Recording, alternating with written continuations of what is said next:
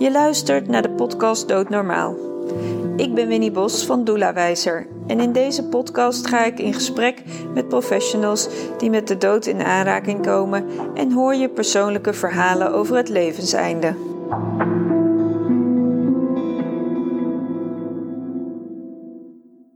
Ik zit vandaag aan tafel met Dick Wittenberg. Welkom, fijn dat je hier bent. Ik heb je uitgenodigd.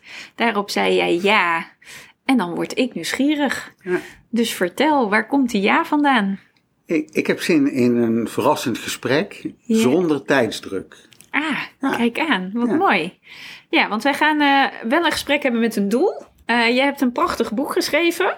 Ik heb hem hier voor me liggen. Het boek eh, Wat doen we met de spullen? Met als ondertitel Een portret van Nederland in één nalatenschap. En jij dacht, volgens mij is er een verhaal te halen uit de spullen van iemand. Vertel, waar, hoe, hoe kom je er überhaupt bij om hierover te willen schrijven? Ik denk dat het te maken heeft met persoonlijke ervaringen in mijn omgeving. Ik merkte dat ook hele goede vrienden, die mij, dacht ik, van alles durfden toevertrouwen, dat die ehm, zwegen als ik het na de dood van hun vader of hun moeder eh, had over de afwikkeling van de nalatenschap. Of, of ze deden het af met dooddoeners of vaagheden. Maar het was duidelijk dat dit een onderwerp was waar ze niet over wilden spreken of niet over konden spreken. Dat was me niet altijd duidelijk. Ik kreeg wel op een gegeven moment een vermoeden dat het misschien ermee te maken had dat het zo intiem is dat je zelfs tegenover go- goede vrienden daarover niet zou spreken. Of dat er sprake van was dat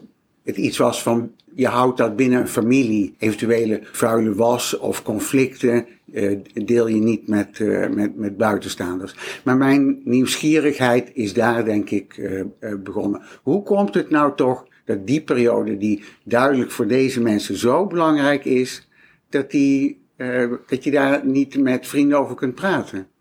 En, en dan gaat het praten heel specifiek over het leven wat mensen hebben gehad? Of de, de relatie die je met die mensen hebt gehad? Of waar, waar- was je dan specifiek nieuwsgierig naar?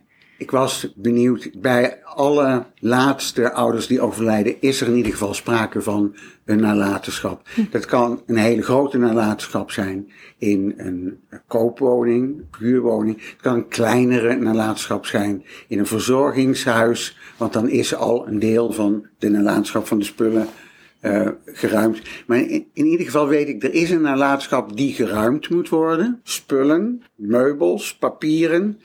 En eh, een ander deel van de nalatenschap is natuurlijk altijd het bezit, het vermogen, spaargeld enzovoort. En een crematie, een begrafenis wordt pakweg bin- binnen een dag of acht afgerond. Maar ik zag dat het afwikkelen van de nalatenschap altijd veel, veel langer vergt. Het duurt in ieder geval maanden en bij sommige eh, mensen duurt het jaren, zeker als er onderweg conflicten ontstaan. Ja, en daar heb je in dit boek het heel specifiek gericht op de spullen. Ja, niet, eh, eigenlijk niet alleen om spullen. Ook besteed ik aandacht aan hoe de nabestaanden omgaan met die spullen. hoe, die, hoe ze met elkaar eh, omgaan. En welke verhalen die spullen bij hen oproepen. Plus voor mij waren de spullen de nalatenschap. Was het ook een kans om iemand te leren kennen die ik bij leven nooit had ontmoet. Nee. En wie heb je leren kennen? Zij heet eh, Jo van Overdijk van de Ven. Ze was 90, bijna 91 jaar. En ze had zeven kinderen en ze woonde in Oorschot. Ja. Een Brabantse plaats vlakbij Eindhoven. En ze had, eh, zoals jij beschrijft in het boek, 50 spullen toen ze 18 was. En toen ze stierf waren dat er om en nabij de 10.000, als ik me goed herinner. Ja, dat klopt. Dat zijn er heel veel. Ja, maar in Nederland eh, zijn er geen statistische gegevens over hoeveel spullen mensen nalaten. In, in Duitsland heeft het Bureau voor de Statistiek dat wel berekend. En daar kwamen ze erop uit dat 10.000 gewoon het gemiddelde bezit is van een, een Duitser die overlijdt. Ja. Oh, echt? Dat dat het gemiddelde Ja. is van de mens die overlijdt, dat hij zoveel spullen heeft? Ja. Oké, en in Duitsland wordt dat bijgehouden? Of tenminste... eh, Is daar onderzoek eh, is naar daar gedaan? onderzoek naar Ja, gedaan? zeker, Ja, ja. ja. Hey, en, en hoe is dit proces precies in zijn werk gegaan? Hoe ben je uiteindelijk tot dit boek gekomen met, eh, met de nabestaanden in combinatie met haar gehele nalatenschap? Ja. Want dat is dus meer dan alleen haar spullen. Ja, nou ja, het grootste kunststuk bij dit boek was: vind maar eens een familie die een buitenstaander wil laten meekijken. Ik heb vijf uitvaartondernemers gezegd: ik zou heel graag een nalatenschap volgen. Vinden jullie dat een zinnige actie en willen jullie mij daarbij helpen? Zij zei, ja, zinnige actie, we willen helpen, maar we willen het rouwproces niet verstoren. De nabestaanden gaan altijd voor. Mm in een enkel geval willen we jouw plan uh, een half A4'tje wel voorleggen. Dat hebben ze in enkel geval gedaan. In de meeste gevallen kwam, liep het uit op niks. Simpelweg omdat een van de nabestaanden bezwaar maakte. Ja, dan gaat het niet door. Uh, maar uiteindelijk na vijf jaar, toen ik de hoop al bijna had opgegeven, kreeg ik een telefoontje. Iemand die zei, ik denk dat ik een familie voor jou heb. De oudste zoon van deze familie wacht op jouw telefoon. En ik kwam meteen in actie. Ik had eigenlijk veel te druk met allerlei andere dingen. Maar ik denk, als er één kans is om dit voor elkaar te krijgen, dan is het nu. Dus ik heb meteen gebeld. Ik ben de volgende dag hmm. naar de oudste zoon geweest. En ja, daar was het aftasten. Want die zoon voelde zich verantwoordelijk voor de nalatenschap van zijn moeder. Hij was aangewezen als executeur mhm. testamentair. Dus hij, hij wilde graag dat het allemaal goed geregeld zou worden. Ik, ik mocht dat niet verstoren. Hij was aan het kijken is deze man te vertrouwen? Kan ik daarmee in zee gaan? En ik, ik heb hierbij, bij dit project, noem ik het dan maar, uh, heel veel geluk gehad. Want ik had het geluk dat bij deze oudste zoon een boek van mij in de boekenkast stond. Oh, een, boek. Geen toeval. Uh, het boek heet Binnen is het donker, buiten is het licht. En het gaat over alledaagse armoede in een dorpje in Malawi. En volgens mij heeft deze oudste zoon die het boek had gelezen, gezien. Dit is iemand die uh, mensen op een uh, waardige manier portretteert. Kennelijk is dat vertrouwen bevestigd in, in het gesprek. En ik was bij deze oudste zoon ook, maakte ik afwegingen. want ik dacht, ja, mag ik echt overal bij zijn? Hmm. En als het straks komt tot een verdeling van de spullen, ben ik dan nog steeds welkom. En ik hield er natuurlijk van het begin af aan rekening mee. Oké, als ik geluk heb, dan zegt deze familie, je bent welkom, kom maar kijken.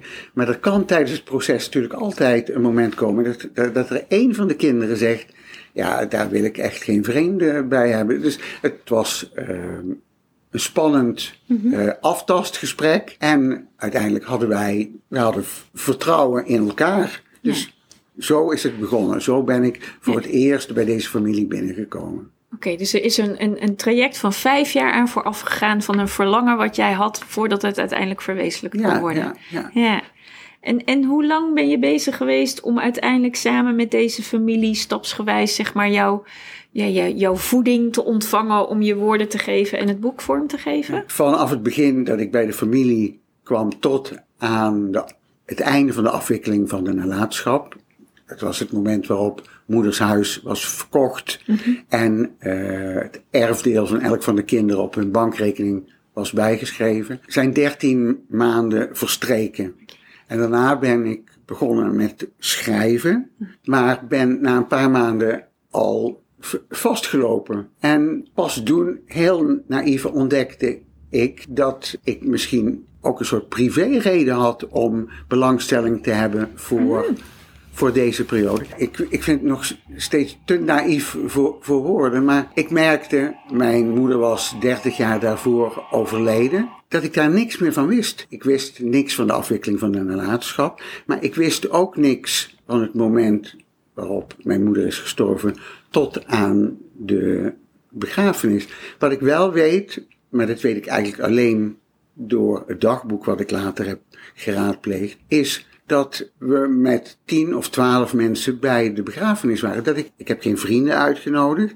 Ik heb geen familie uitgenodigd. Ik heb geen oude buren uitgenodigd. Het is een periode die volledig uit mijn geheugen is Ja. gewist. En ik denk dat daar de kiem van mijn belangstelling was. Een periode die ik heb meegemaakt, maar tegelijkertijd niet heb meegemaakt. Ja. Eh, je, was, je was erbij, maar het was alsof er een film aan je voorbij ging. eh, waarin je je afvroeg, ben ik hier onderdeel van? ja, eh, zeker, zo was het. En, en daardoor is hij waarschijnlijk niet goed in je geheugen gebleven. er is helemaal niks van in mijn geheugen Nee. gebleven. Nee. Nee. Het is boeiend hè, hoe soms dingen op ons pad kunnen komen waarvan we dan eigenlijk niet kunnen bedenken van waarom doen we wat we doen. En dan beginnen we ergens aan en dan komen we tot de ontdekking, oh maar wacht eens even. Ja, Eigenlijk heb ik ergens, ergens is er iets ontstaan wat mijn nieuwsgierigheid heeft, heeft gewekt. Om te komen tot wat er nu, eh, wat er nu wenselijk is. Eh, Ja. ja, Ja. mooi. Hey, dus je hebt 13 maanden eigenlijk ben je met de mensen op, op reis geweest. Hoe was dat? Voor hun, maar ook voor jou? Nou ja, in het begin overweldigend. Ik moet denken aan het eerste bezoek wat ik bracht aan het huis van Jo van Overdijk, van deze moeder. En ik kwam de woonkamer in bij de oudste dochter van dit gezin, Antoinette. En eh, Antoinette had de laatste veertien maanden, moeder nog steeds in haar eigen huis woonde, maar wel steeds meer gezondheidsklachten kreeg en ook licht begon te dementeren. Antoinette had al die tijd voor haar moeder gezorgd. Antoinette was daar elke dag geweest. En toen moeder dood was, heeft ze bedongen, of eigenlijk geëist. Ik wil de inventarisering van de nalatenschap voor mijn rekening nemen. En ik kwam bij haar op bezoek in de woonkamer. Eh, ik keek rond en de, de, de kamer stond stampvol. En ik dacht, mijn god, hoe, hoe, hoe, hoe, hoe krijg ik hier ooit in hemelsnaam grepen op? Ik was benieuwd, nou, wie- heeft hier al die, al die tijd, in ieder geval meer dan 30 jaar gewoond? Ik wilde graag naar al die spullen kijken, maar het was te veel. En ik liet me bijna overmand vallen in de eerste de beste stoel. En de oudste dochter zegt, dat was de stoel van moeder. En ik oh jee, ik doe het helemaal meteen fout. En ik sprong meteen op. Eh, maar die oudste dochter stelde mij gerust. Ga gewoon zitten, ze is dood. En ja, ze stelde mij gerust. Daarna ben ik van de dertig keer dat de oudste dochter Antoinette in dat huis is geweest om de spullen te inventariseren, ben ik de meeste keren bij haar geweest. Oké, en heb je meegekeken naar hoe zij die inventarisatie deed? Zodat Ja. je op die manier de spullen ook kon zien die van moeder waren. Ja, maar ik zag meteen ook wa- wat een, wat een onmogelijke taak het is om te inventariseren. En ik zag ook op een gegeven moment begon ze zomaar ergens en ging ze allerlei spullen in een, in een schriftje schrijven. Ontdekte al gauw, dit is ontoereikend, ik moet hier een Excel-bestand voor openen. Het werd een, een groot, steeds ingewikkelder, steeds verwarrender project. Maar dat vond ik eigenlijk ook wel symbolisch. Als je moet omgaan met de spullen van je moeder. Het is, het is verwarrend. Hoe, hoe vind je daar nou een logische weg in? Ja, en ik kan me ook zo voorstellen dat als je met die spullen ter hand nemend, dat niet alleen maar spullen zijn, maar ook herinneringen. Want eh, als kind, hè, als, als moeder daar 30 jaar al in dat huis woonde, kan ik me zo voorstellen met, oké, haar kinderen waren al redelijk op leeftijd als zij eh, hè, 90 was, maar, maar stil. Ja. In die 30 jaar hebben die kinderen daar vast ook veel spullen gehad waar zij samen met moeder herinneringen mee hebben gemaakt. Dus dan kom je ook gewoon, krijg je de confrontatie met, oh ja, dat deden we toen met moeder. Eh, eh, Ik weet het niet, maar ik kan me zo voorstellen dat de dingen die je dan tegenkomt, dat je heel erg ja, herinneringen naar boven krijgt van, oh ja, dat was wat moeder er altijd mee Ja. deed. Of dat deden we altijd samen met haar. Ja. Of eh, dit was belangrijk voor haar. Of, en dat ze mogelijkerwijs, hè, want zij was de laatste, misschien ook nog wel spullen van vader zijn tegengekomen, kan ik me zo voorstellen. Dus dat maakt het, lijkt mij, ook een confronterend proces om dan zo'n inventarisatie te doen. Want het gaat niet alleen maar om feitelijkheden. Uiteindelijk is het ook een inventarisatie in jezelf van herinneringen. Ja, En soms dus ook herinneringen met een confrontatie van je eigen emoties. zeker. En hoe deed zij dat? Hoe ging zij daarmee om met haar eigen emoties en de spullen? Heb je daar iets van gezien? Nou ja, het is precies zoals jij het beschrijft.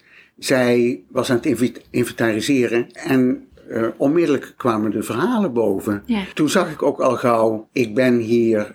Ik, ik dacht aanvankelijk, voelde ik me best besmuikt. Eh, ik kom hier iets halen, een verhaal halen, een kijk op deze moeder halen. Maar ik kwam hier, al snel kreeg ik door, ik kom hier ook iets brengen. Deze oudste dochter, die zou anders helemaal in haar eentje de boel hebben geïnventariseerd. Nu, nu waren er luisterende oren aanwezig. En ik was een aandachtige, geduldige luisteraar. Want inderdaad, alle spullen leverden voortdurend verhalen en herinneringen op. Uiteindelijk denk ik dat eh, de kinderen voor zichzelf een fantastisch document hebben laten creëren. Door de openheid te hebben en jou daarin toe te laten. Uh, ja, gedeeltelijk. Dat geldt niet voor alle kinderen. Nee. Ik heb ontdekt, de vier oudste kinderen zijn super blij met het boek. En uh, het is een monument voor hun moeder. Het is een moment een monument voor de familie, hoe de nabestaanden met, met haar spullen zijn omgegaan. Maar er is in ieder geval één zoon, die, de jongste zoon, die niet blij is met dit boek. Die vindt het te intiem. Die wil niet dat de naam van zijn moeder in zo'n boek verschijnt.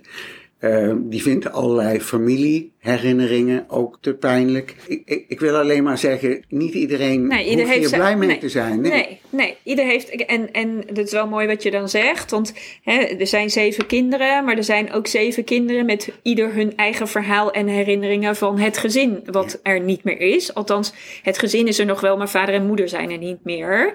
En ieder gezinslid heeft ook recht op zijn eigen herinneringen maar ook recht op zijn eigen mening daarop. Zeker, hè? ja. En ik kan me voorstellen dat, hè, doordat het boek nu gewoon publiekelijk bekend is, dat de intimiteit van jouw gezin, die ligt gewoon ineens, nou ja, nou om maar even letterlijk te zeggen, op straat. Hè? Ja. Iedereen kan er nu een kijkje in nemen voor wie het boek leest. Hm. Uh, maar hoe ben je daar dan mee omgegaan dat deze jongste zoon eigenlijk helemaal niet blij is dat zijn moeder in een boek staat en dat het verhaal op tafel ligt? Ja, ik ben op dit onderwerp heel erg blij met de uitgeefster van de correspondent. Want het dreigde een conflict te worden. Laat ik eerst zeggen, de, de, de jongste zoon maakte zijn bezwaren pas kenbaar op het moment dat de uh, laatste drukproeven al waren gecorrigeerd. Oh jeetje. Uh, dus op een heel cruciaal kritiek, moment. Ja, kritiek ja. Uh, moment, moet ik ook zeggen, helemaal in het begin heb ik alle kinderen gevraagd: vinden jullie het goed dat ik meeloop en ik ga hierover ooit schrijven. Mhm. Iedereen heeft daar ja op gezegd. Er zijn zelfs verzoek van de uitgever handtekeningen bijgezet. Daarna kwam er het moment dat het familieverhaal klaar was. Natuurlijk heb ik het familieverhaal aan alle kinderen voorgelegd met het verzoek als er onjuistheden in staan. Mhm. Laat het mij weten, dan corrigeer ik het. Maar deze jongste zoon heeft het in die fase niet gelezen. Die heeft pas het op het allerlaatste moment gelezen. En de uitgeefster zei, ik wil dit niet cool juridisch uh, aanpakken. Juridisch heeft deze zoon geen poot om op te staan. Maar dit is een familieverhaal. Dit moet niet juridisch geregeld worden. Ik ga in ieder geval naar die mand toe Mhm. en ik wil horen wat zijn bezwaren zijn. En zij heeft daar uh, s'avonds drie uur uh, gezeten. Het was volgens mij voor al, allebei de partijen een heel emotioneel gesprek. En uiteindelijk heeft de jongste uh, zoon gezegd: er zijn een paar uh, elementen, zinnen, die wil ik uit het boek, die wil ik echt absoluut niet Mhm. lezen. Dat mag niemand weten. Maar oké, okay, voor de rest, ik ben er niet blij mee, maar ik heb er vrede mee dat het uitkomt. Dat is ook wel mooi, want ik, uh, hoe dubbel ook, hè? Kijk, in ieder proces, en zeker in het afhandelen van een nalatenschap, want dat maakt het eigenlijk zichtbaar. Een nalatenschap afhandelen lijkt altijd van, ja, oh ja, dit is gewoon spullen opruimen, huis verkopen, geld verdelen. Nou, dan zijn we klaar. Even heel sec, hè? Gewoon zo een beetje stapsgewijs zeggen hoe dan zo'n proces gaat. Ja.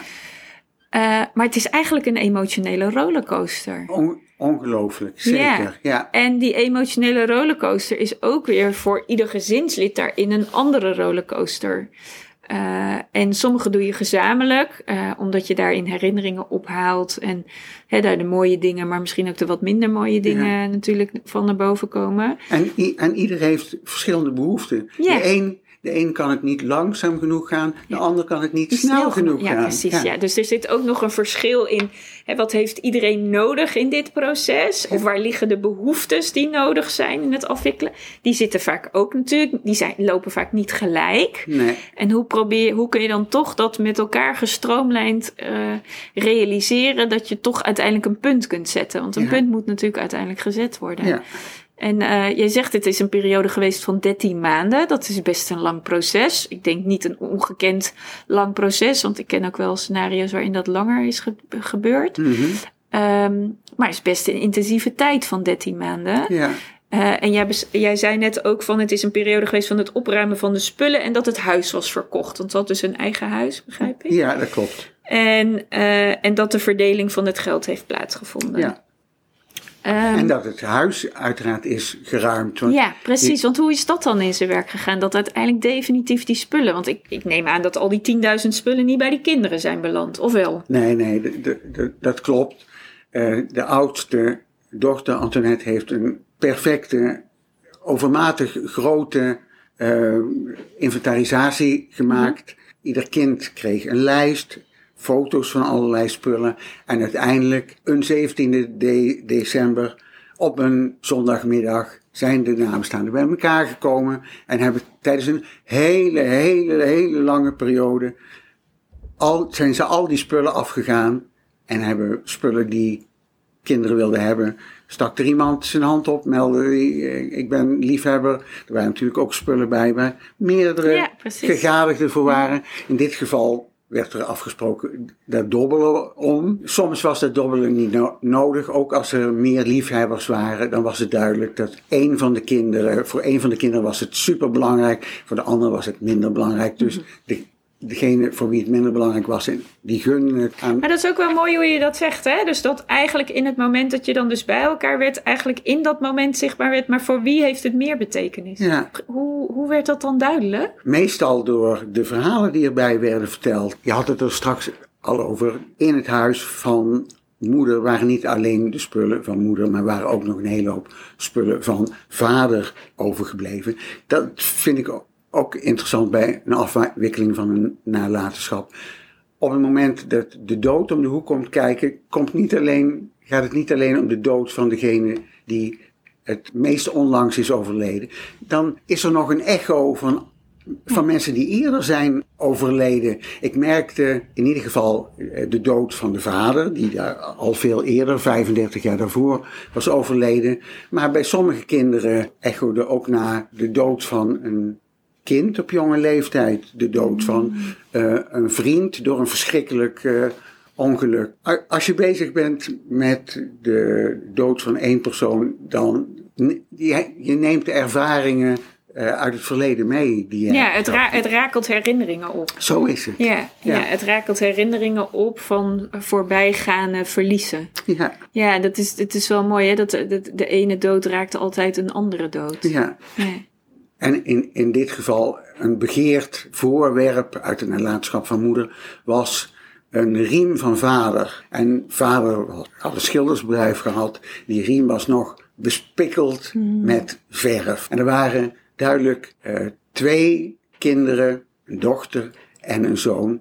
Die, denk ik, vermoed ik, eigenlijk meer hielden van hun vader dan van hun moeder. In, in dit geval allebei een hevig verlangen hadden om die, met die eh, riem mee naar huis te gaan. In dit geval is er gedobbeld. In dit geval was het niet zo dat het verlangen van de een overduidelijk groter was dan van de ander. Nee. Is er in het hele proces wat je hebt doorlopen een voorwerp of een verhaal je opgevallen waarvan je, nou, waarvan je van je stoel viel of waar, die het meeste indruk heeft gemaakt? Of... Wat ik, ehm, wat ik bijzonder vond, was dat deze moeder had vijf zonen, twee dochters. Dat de twee dochters uiteindelijk overal in het huis van moeder sporen vonden van een grote liefde van moeder na de dood van vader. En wat was? Wat, nou, wat dat was, waren bijvoorbeeld foto's van een man eh, op haar nachtkastje in de slaapkamer onder het portret van haar man. Oh, Maar ook ehm, de twee eh, dochters hebben die liefde helemaal gereconstrueerd. Oh. Aan de hand van haar agenda's, in de hand van kwitanties die zij vonden. Ze, ze hebben bijna als een soort detectives, hebben ze in de nalatenschap van moeder sporen gevonden van, ja, van moeders grote liefde. En, en wat ontdekten ze dan? Wat hebben ze gereconstrueerd? Wat werd het verhaal? Het verhaal wat ze konden reconstrueren was dat moeder aan het begin van de jaren negentig tijdens carnaval een man heeft gezien die ze meteen, uh, waarvan ze meteen onder de indruk was. En dat, dat die twee ongeveer tien jaar lang in ieder geval een, nou ja, een seksuele relatie hebben gehad. Maar een, een relatie die voor moeder ingewikkeld was, want die man was getrouwd. Hmm. En moeder was heel gelovig, heel katholiek. Het paste niet bij haar geloof. En in de agendas konden de uh, dochters ook zien dat ze al heel snel de relatie heeft uitgemaakt. Maar daarna toch ook weer heeft uh, aange aangeknoopt. Ja, de liefde was groter. Ja, ja. ja. Tot, tot aan het eind van de jaren negentig, niet helemaal duidelijk, toch een punt is gezet achter de seksuele relatie. Maar ze bleven elkaar bellen. Ze, hebben elkaar, mm. ze bleven elkaar bellen tot het eind. En, maar dan, tot het eind tot, was tot, tot, tot zijn... de dood, tot de dood ah, van... Tot zijn eind? Nee, tot haar eind. Tot oh, haar, haar eind. Jeetje. Maar nog steeds was het een geheime relatie. Dus uh, hij belde, de, de Drentse minnaar, noem ik hem maar even, mm -hmm. Belde Jo in oorschot op als zijn vrouw onder de douche stond. Maar als hij mm. hoorde dat de, de douche dichtgedraaid werd, dan werd, het, werd de telefoon meteen oh, weer opgehangen. En, en moeder had iets dergelijks als de Drentse minnaar op zondag belde, terwijl een van de kinderen mm. op bezoek was. Dan, nee, komt niet uit en gooide oh, meteen de horen op de... Maar wat interessant dat ze dus zo lang eigenlijk een soort geheim stukje in haar leven heeft gehad, wat pas zichtbaar is geworden na haar overlijden. Ja, wat uiteindelijk ook duidelijk werd, was enkele kinderen vermoeden dit. Mm, uh, zo verschrikkelijk geheim was het uh, uiteindelijk niet, maar niemand wist de bijzonderheden. Die bijzonderheden hebben eigenlijk die twee zussen pas na de dood van moeder uh, ontdekt. En, en ik vond dit bijzonder, ik vond het troostrijk. Ik dacht, die mevrouw, want ik had, haar inmiddels leren kennen. Ik, het was mij duidelijk geweest, ze had een hele moeilijke uh, tijd gehad in, in, in de crisisjaren. Een, een, zware jeugd. Als enig meisje moest ze altijd klaar zijn voor al het manvolk uh, in huis. Alle klussen moest zij doen. Ze had het best zwaar gehad uh, als moeder, met zeven kinderen, met een man, met een, met schildersbedrijf, waar zij ook een rol in, in moest spelen. En volgens de kinderen die ik tussendoor sprak, was moeder eigenlijk in, in een groot deel te, van, haar, van hun jeugd overspannen of tegen het overspannen aan. Maar na de dood van haar man, toen de kinderen het huis uit waren, heeft zij een, een bloeiperiode gekend. Heeft ze een heeft ze een, liefde gekend. Ik vond dat ontzettend troostrijk. Yeah. Ja. ja, dat ze dus wel een vorm van, uh, ondanks die zwaarte die in haar leven eigenlijk ook was, dat er ook een lichtheid was in haar leven. Zeker, ja. En, en dat ze zich ook op latere leeftijd heeft ontwikkeld, is gaan, een schilderscursus begonnen, waardoor uh, een groot deel van de nalatenschap bestaat natuurlijk ook uit moeders schilderijen. Uh, maar duidelijk was dat ze allerlei belangstellingen ontwikkelde waarvoor ze eerder geen tijd of geen geld had. Ja, mooi vond ik. Ja. Maar ja, dat is ook nogal een klus, hè? Een eigen bedrijf en zeven kinderen. Tjonge, jongen. Ik bedoel, doe het maar eens even. Ja. Dat is ook wat. Ja, zeker. Ja. En dan is het ook nog een vrouw die een oorlog heeft meegemaakt. Dus dat zit dan ook nog in je genen dat zijn echt pittige jaren. Ik bedoel, om dat mee te maken. En dan die wederopbouw en zo. Ja, en ik denk, ze is een kind van haar. Uh, Want uit wat voor, hoeveel kinderen, broers en zussen had ze uit haar eigen gezin? Zes. Oh, ze kwam uh, uit een gezin, van, van zes. Ja, ja. oké. Okay. Nou ja, en zij heeft in ieder geval armoede en schaarste meegemaakt. Dus mm. dat is ook een verklaring waarom zij nooit dingen weggooide. Waarom de kinderen zoveel spullen vonden. Er waren bankafschriften van, vanaf 1959. Oh, echt? Die waren allemaal bewaard? Ja.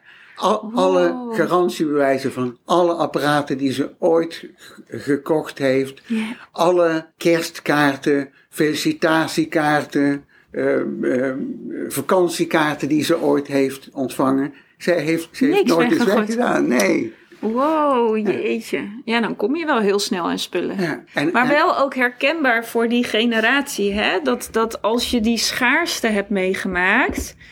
Eh, ik ken dat ook wel van eh, wat, wat mensen die rond diezelfde leeftijd zijn om mij heen verkeren. Ik bedoel, al ligt de, er een meter stof op de spullen, eh, er is geen haar op een hoofd die eraan denkt om het de deur uit te zetten. Aha.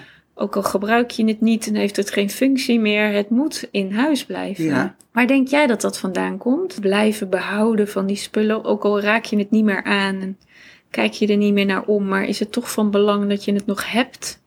Ja, eh, eh, toch een ingebakken eh, angst voor armoede. Ja. En, en ook een, ehm, weet ik, een praktische wederopbouwgedachte. De, eh, beter mee verlegen dan onverlegen. Je kunt het misschien altijd nog een keer gebruiken. Je weet maar nooit waar het Precies. goed voor is. Ja, precies. Zo. Je weet maar nooit waar het goed voor is. Kan Ja. zomaar ineens van pas Ja, komen. inderdaad. Ja. En dan Ja. zul je toch eh, spijt hebben dat je het hebt Ja, precies. Ja, ja, het is wel bijzonder. Maar wel een ontzettende klus voor de mensen die je achterlaat om het op te ruimen. Ja. Hoe mooi zou het zijn geweest als zij nou samen met haar kinderen door al haar spullen was gegaan? Want de kinderen hebben nu op hun manier de verhalen verteld. Maar ik kan me zo voorstellen dat als zij door die spullen was gegaan en dat samen met haar kinderen had opgeruimd, dat er hele andere verhalen weer naar boven waren gekomen eh, die zij met haar kinderen had kunnen delen. Ja, zeker. Ja. Want met, met haar dood zijn ook een hele hoop verhalen natuurlijk. Ja, vertrouw- verdwenen. Ja. Maar precies wat- je zegt, naar aanleiding van het meeleven met deze, familie, heb ik ook besloten, ik zorg dat ik op, wel op tijd ben. Ik ga lekker Mm. eh, de verhalen over voorwerpen die voor mij belangrijk zijn of die ik mooi vind, ga ik wel vertellen aan mijn kinderen. Als ze daar belangstelling voor hebben, uiteraard. Ja, Ja. ja, en desnoods zou je nog, als ze die belangstelling nu niet hebben, bij wijze van spreken een document kunnen maken waarin je de verhalen van de spullen zou kunnen vastleggen. Zeker. Dat als, ze, als je er niet meer bent, het bij wijze van spreken in de nalatenschap kun- zullen kunnen terugvinden. Ja. Om dan de verhalen erover te horen. Ja. Ja. Ja. ja, want je begon eigenlijk met een verlangen vijf jaar geleden om, nou ja, om een wens zoals dit van eh, hoe, hoe zit dat met een nalatenschap? Hoe gaat dat? Hoe doen mensen dat? Hè? Ja. Je hebt zelf geen herinneringen uit je eigen tijd van je eigen moeder en hoe dat allemaal is verlopen. Je hebt het nu van nabij mogen aanschouwen, Mhm. eh, mogen aanhoren, mogen meemaken. Van dat ene A4'tje of dat halve A4'tje volgens mij zei je dat je had geschreven. Ja. Is alles daarvan uitgekomen? Ja, wat ik de familie die ja zou zeggen tegen mij mee laten lopen, heb beloofd is, ik probeer hier een monumentje voor jullie overleden vader of moeder in dit geval te maken. En ik probeer de familie en het proces waar jullie doorheen zijn gegaan recht te doen.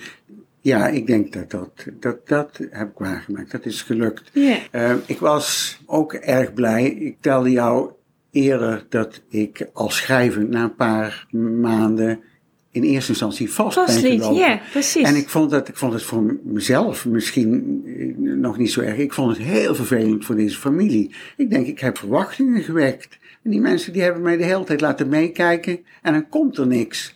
En waar liep je dan precies op vast? Nou, ik, ik verweet mezelf dat ik eh, niks wist van die nalatenschap. En ook dat ik er te weinig moeite later voor heb gedaan om alsnog iets meer daarover te weten te komen. Ik vond een hele vervelende mededeling die ik de familie zou moeten doen. Het boek komt er niet. Ik ga, ik ga dit niet schrijven. Dit gaat mijn, mijn vermogen te boven.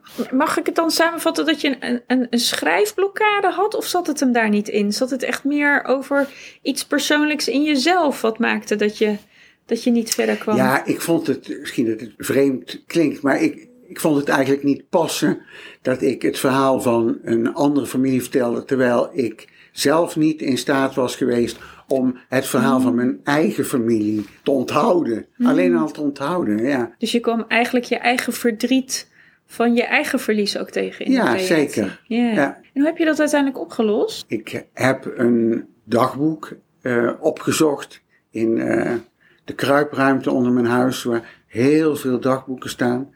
Uiteindelijk heb ik het dagboek gevonden uit de periode dat mijn moeder was overleden. Ik vond daar in ieder geval, kort samengevat, eh, wat ik bij de begrafenis van mijn moeder heb gezegd. Maar ik zag ook aan alle passages eromheen in welke uh, situatie ik destijds verkeerde. Ik, ik zat midden in een scheiding.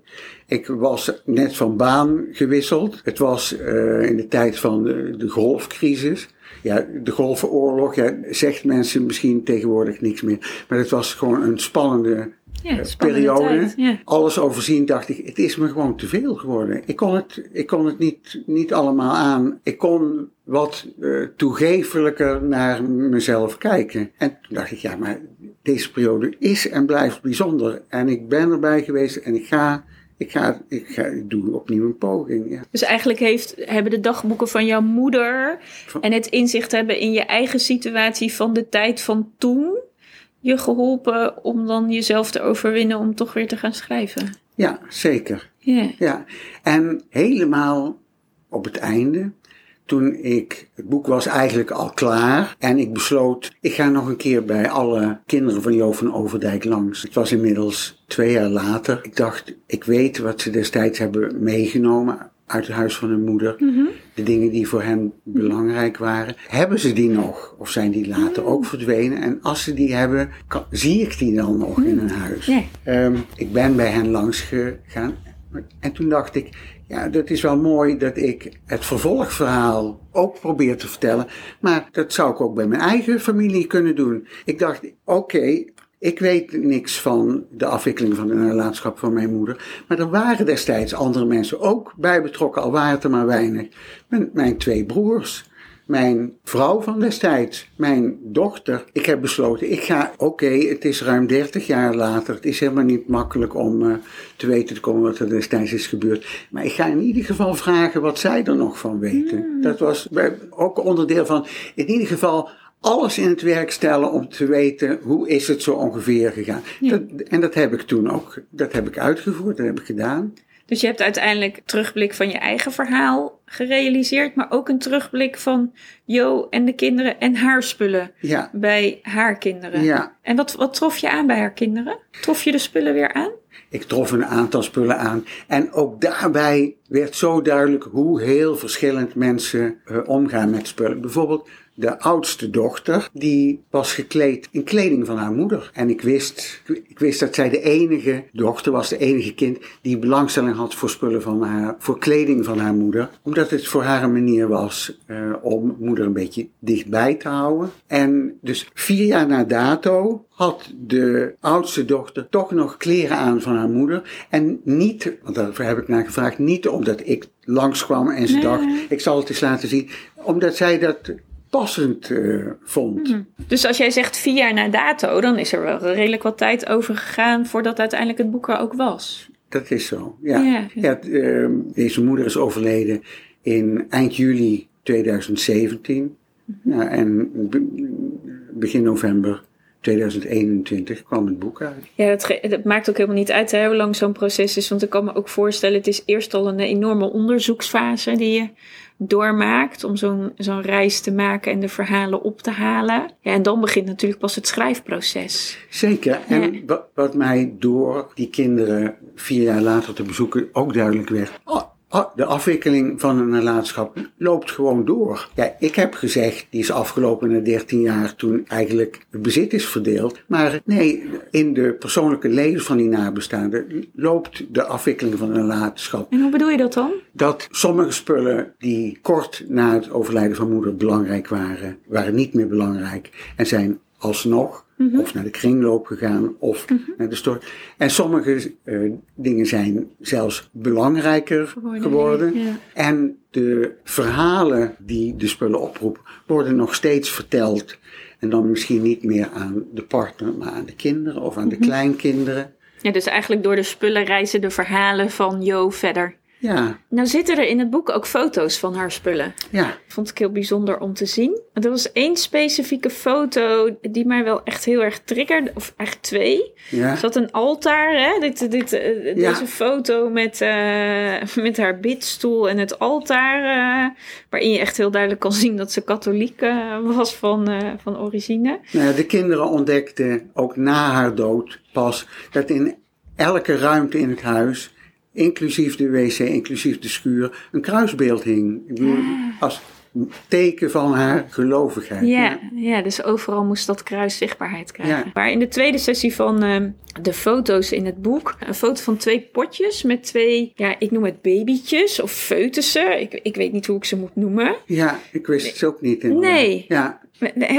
Wat, wat is het verhaal daarachter? Ik, ik werd heel erg geraakt door dat dat dan zo in huis staat. Dan denk ik, wat betekent dat? ja, die twee babytjes of foetussen heeft moeder gekregen van de jongste zoon. Voor de jongste zoon betekende ze het volgende. Hij en zijn vrouw hebben op een gegeven moment een tweeling gekregen, twee meisjes. En het ene meisje bleef leven en het andere overleed kort na ehm, de, geboorte. bevalling, Oh, ja. kort na de geboorte. Ja. Voor hem betekenen deze twee babytjes zijn tweelingkinderen. En hij wist, of nee, hij, hij voelde dat zijn moeder altijd eh, belangstelling hield. Niet alleen voor het me- meisje wat in leven was gebleven, maar ook voor het meisje wat eh, was overleden. Als, als ze kwam, op bezoek kwam voor de verjaardag van het levende meisje, had ze altijd ook een bloem bij voor, voor het overleden tweelingzusje. Dus hij, hij had op dat gebied een, een band met moeder en eh, heeft die, deze twee eh foetussen aan haar gegeven. Maar de dochters denken dat eh, die twee babytjes van moeder een, ander, een andere betekenis hadden. Ehm, want zij wisten, of konden ook weer aan de hand van haar agenda's reconstrueren. Ze heeft twee keer een miskraam gehad. En zij denken dat eh, met die twee babytjes op dat altaar moeder haar eigen Ja. kinderen heeft. ook, ja, toch ook nog in een soort zichtbaarheid heeft gegeven Ja. voor zichzelf. Van die zijn er ook altijd geweest, hoe klein ze ook waren. ja, Ja, het is ook wel mooi dat, ja, dat die dan toch ook altijd nog in het, in het verhaal dan meegaan. ja. Heb je Jo echt leren kennen? Eh, nou, echt kun je iemand echt leren kennen. Ik, ik, ik heb wel een, een duidelijk idee van haar gekregen, zeker. Aan de hand van haar spullen, maar ook aan de hand van haar dagboeken. Nou, dat, dat, vond ik nog, dat vond ik ook wel bijzonder. Ik vraag me af, eh, als je laatste ouder is overleden en je vindt dagboeken, mag je de dagboeken dan lezen? Ik, ik denk, als moeder eh, daarover nooit wat heeft gezegd, dan is dat aan de nabestaanden. Willen ze dat? En ik als buitenstaander, ik voelde me niet vrij om ze te lezen. Maar de oudste dochter zei tegen mij, ja, dit, maakt onderdeel uit van jouw plan. Jij wilde mijn moeder leren kennen, dan moet je ook haar dagboeken lezen. Dan wordt het wel heel intiem. Ja, dan, dan wordt het intiem. Ik denk, maar dat weet ik niet zeker, dat die oudste dochter mij ook heeft aangemoedigd om die dagboeken te lezen. Omdat ze er zelf troost uit heeft geput. Zij had altijd het idee dat haar moeder haar niet vond deugen. eh, dat ze niet goed genoeg was. Dat ze niet proper genoeg was. Properheid was heel belangrijk voor moeder. Dat ze ook als ze in de laatste 14 maanden dat moeder leefde, als ze kwam schoonmaken, het was nooit goed genoeg voor moeder. Eh, in het dagboek las ze dat haar moeder eh, vaak heel blij met haar is geweest. Het is wel mooi hè, hoe we dan het een zeggen en het andere doen hè? Ja, inderdaad. Ja, ja. ja. Ja, dat dat zo vaak gebeurt. Dat we zo dan in die uiterlijke vorm zo'n ontevredenheid kunnen, kunnen uitstralen. En dan als je dan in de intimiteit gaat van zo'n dagboek, er dan eigenlijk vaak ook heel duidelijk wordt eh, Ja. hoe waardevol eigenlijk iets Ja, is. ja, eh, ja. En dat er dan toch een soort van het niet weten is of zo. Ja, is het niet weten, weet ik niet. Dat, dat, wa- waarom doen we dat, hè? Vraag ik me dan af. Waarom, waarom zeggen we dan niet gewoon tegen, nou, het is echt fijn dat je er bent. Ja, tof. inderdaad. Ja. ja. Het is toch ook heel fijn om met elkaar te delen. Dat je het zo waardeert. Dat iemand je zo helpt in zo'n laatste fase. En dat hij er altijd voor je is. En dat je dan nog mooie momenten met elkaar kunt, Ja. kunt delen. Maar dat het soms ook gewoon wel in zo'n tijd heel erg kan schuren. ja. Ja. Ja, ik weet ook niet waar dat uit voortkomt. Eh, Misschien een zekere onhandigheid. Het is kennelijk makkelijker om tegen de buren te zeggen: Nou, die oudste dochter van mij, die, die, die kan schoonmaken en die helpt me elke dag. Maar dan zeg je het niet tegen haar. Ja, het is ongelooflijk. Gemiste kans, jammer. Ja, En. Fijn, en fijn dat het dan toch nog ergens in een dagboek is terug te vinden. Ja, zeker. Nou is dit best, vind ik, een uniek boek. Want volgens mij is er nog nooit eerder op deze manier over een nalatenschap geschreven. Althans, ik ken hem niet, laat ik het zo zeggen. Ik denk dat je er wel echt iets mee zichtbaar hebt gemaakt door er zo over te schrijven. Uh, dat denk ik ook. Uh, afgaande op het aantal verhalen wat ik al heb teruggekregen van mensen die, nou, die vertelden hoe de nalatenschap van hun vader of moeder is gelopen. En wat je zegt, nee, ik, ik, ik ken geen non-fictieboeken eh, die over dit onderwerp gaan. Ik heb wel eerder gezocht. Ik dacht, dit is zo'n belangrijke periode. Hier moeten romans over zijn geschreven. Ja. En ook die vond ik uiteindelijk in de Nederlandse literatuur maar twee. Mhm. Eén, Het gesloten huis van Nicolaas Matsier, waarin heel gedetailleerd beschreven wordt de chaos, de wanhoop van drie kinderen die overstelpt worden met alle spullen en geen, geen idee hebben hoe moeten we dit nou in Mhm. hemelsnaam aanpakken. Eh, een ordening aanbrengen en die ordening dan weer ongedaan maken, iets weggooien en het dan toch weer terughalen. Overigens wat ik ook bij deze Oorschotse familie zag, deze moeder die heeft heel veel geschilderd. Alle kinderen hadden al lang een schilderij. Eh, allerlei familieleden hadden ook een schilderij, maar er bleven nog een hele hoop schilderijen over. Die gingen uiteindelijk naar de kringloop, maar later was er dan toch een dochter die zei: Oh, is jammer dat dat naar de kringloop is. Ik ga kijken of ik het kan terugkopen. Ja, te laat, helaas. Ja. En je zegt twee boeken, dus Het Gesloten Huis. En... Oh ja, en De Kast van Leo Plezier, een Vlaamse schrijver. Oh ja, Ja. oké. Maar dat zijn eigenlijk best weinig boeken over een best essentieel Ja, onderwerp in het leven waar we allemaal mee te maken krijgen. De nalatenschap. Eh, het boek is net uit. Hè? Dus heb je al reacties gehad van mensen die het gelezen hebben? En, en nieuwsgierig, wat, wat, wat krijg je dan terug? Ja, een van de leukste bijeenkomsten die ik de afgelopen maand, sinds het boek uit Mhm. is, heb meegemaakt, is een bijeenkomst in eh, het Uitvaartmuseum. Oh, tot, zover. Ja. En daar kwamen nog net voordat de coronamaatregelen van kracht waren gelukkig, ik had 50, 60 mensen op af, waarvan een deel het boek had gelezen. Mhm. En ik vond het mooist de reacties van mensen die erdoor geraakt waren of die aangespoord waren om ehm, bijvoorbeeld verhalen met hun kinderen te delen. Of die ontdekten, oké, destijds toen wij bezig waren met de afwikkeling van een nalatenschap, hebben we er niet over ge- gesproken, maar ik wil het alsnog, ik wil het er alsnog over hebben. Of ehm, kinderen die vertelden dat de, door de na afwikkeling van een nalatenschap een gezin uit, uiteen is gescheurd. Ook dat eh gebeurt. Ja. Ja. Ja. dus wat het mooie is, het, het verhaal heeft vele kanten. Ja. En in dit soort momenten dat je dan weer samenkomt, wordt weer zo zichtbaar wat een nalatenschap doet. Het, het brengt mensen samen, maar het verscheurt ook eh, relaties en alles wat daartussen zit. Ja. Maar dat het een hele essentiële periode is in het leven van zij die achterblijven, dat is natuurlijk een gegeven. Ja. en hoe dat dan in dit geval gaat voor Jo en haar kinderen, dat is nu eh, te lezen in jouw boek. Wat doen we met de spullen? Een portret van Nederland in een nalatenschap. Ik vind het echt prachtig dat het er is. Mooi dat dit onderwerp ook in de, in de serie in ieder geval zijn aandacht heeft. Want eh wij krijgen er allemaal mee van doen, of we nou willen of niet. Zeker. En ik denk dat het heel mooi is, althans dat maakt mij het dan eigenlijk wel weer gewaar. Ik ben zelf iemand die houdt niet zoveel van veel spullen. Eh, ik heb vooral het essentiële in huis wat ik nodig heb en een beetje om het gezellig te maken. En de rest denk ik, ja, is niet, is niet, eh, is niet noodza- noodzakelijk. Kan misschien liggen aan dat ik van begin jaren 70 ben, dat weet ik niet. Maar goed, dat realiseer ik me dan weer dat ik denk, ja, ik heb niet zoveel spullen. Maar ik vind het wel heel bijzonder. Ik, ik heb een altaar thuis, eh, wat voor mij eigenlijk een, eh, nou, een altaar is wat mijn levensverhaal zou kunnen vertellen. Dus wat ik wel weer mooi vind aan dit gesprek, wat ik dan weer met jou heb, is dat ik denk, oh ja, het is eigenlijk misschien toch wel heel mooi om daar gewoon de verhalen van al die spullen eens over op te schrijven.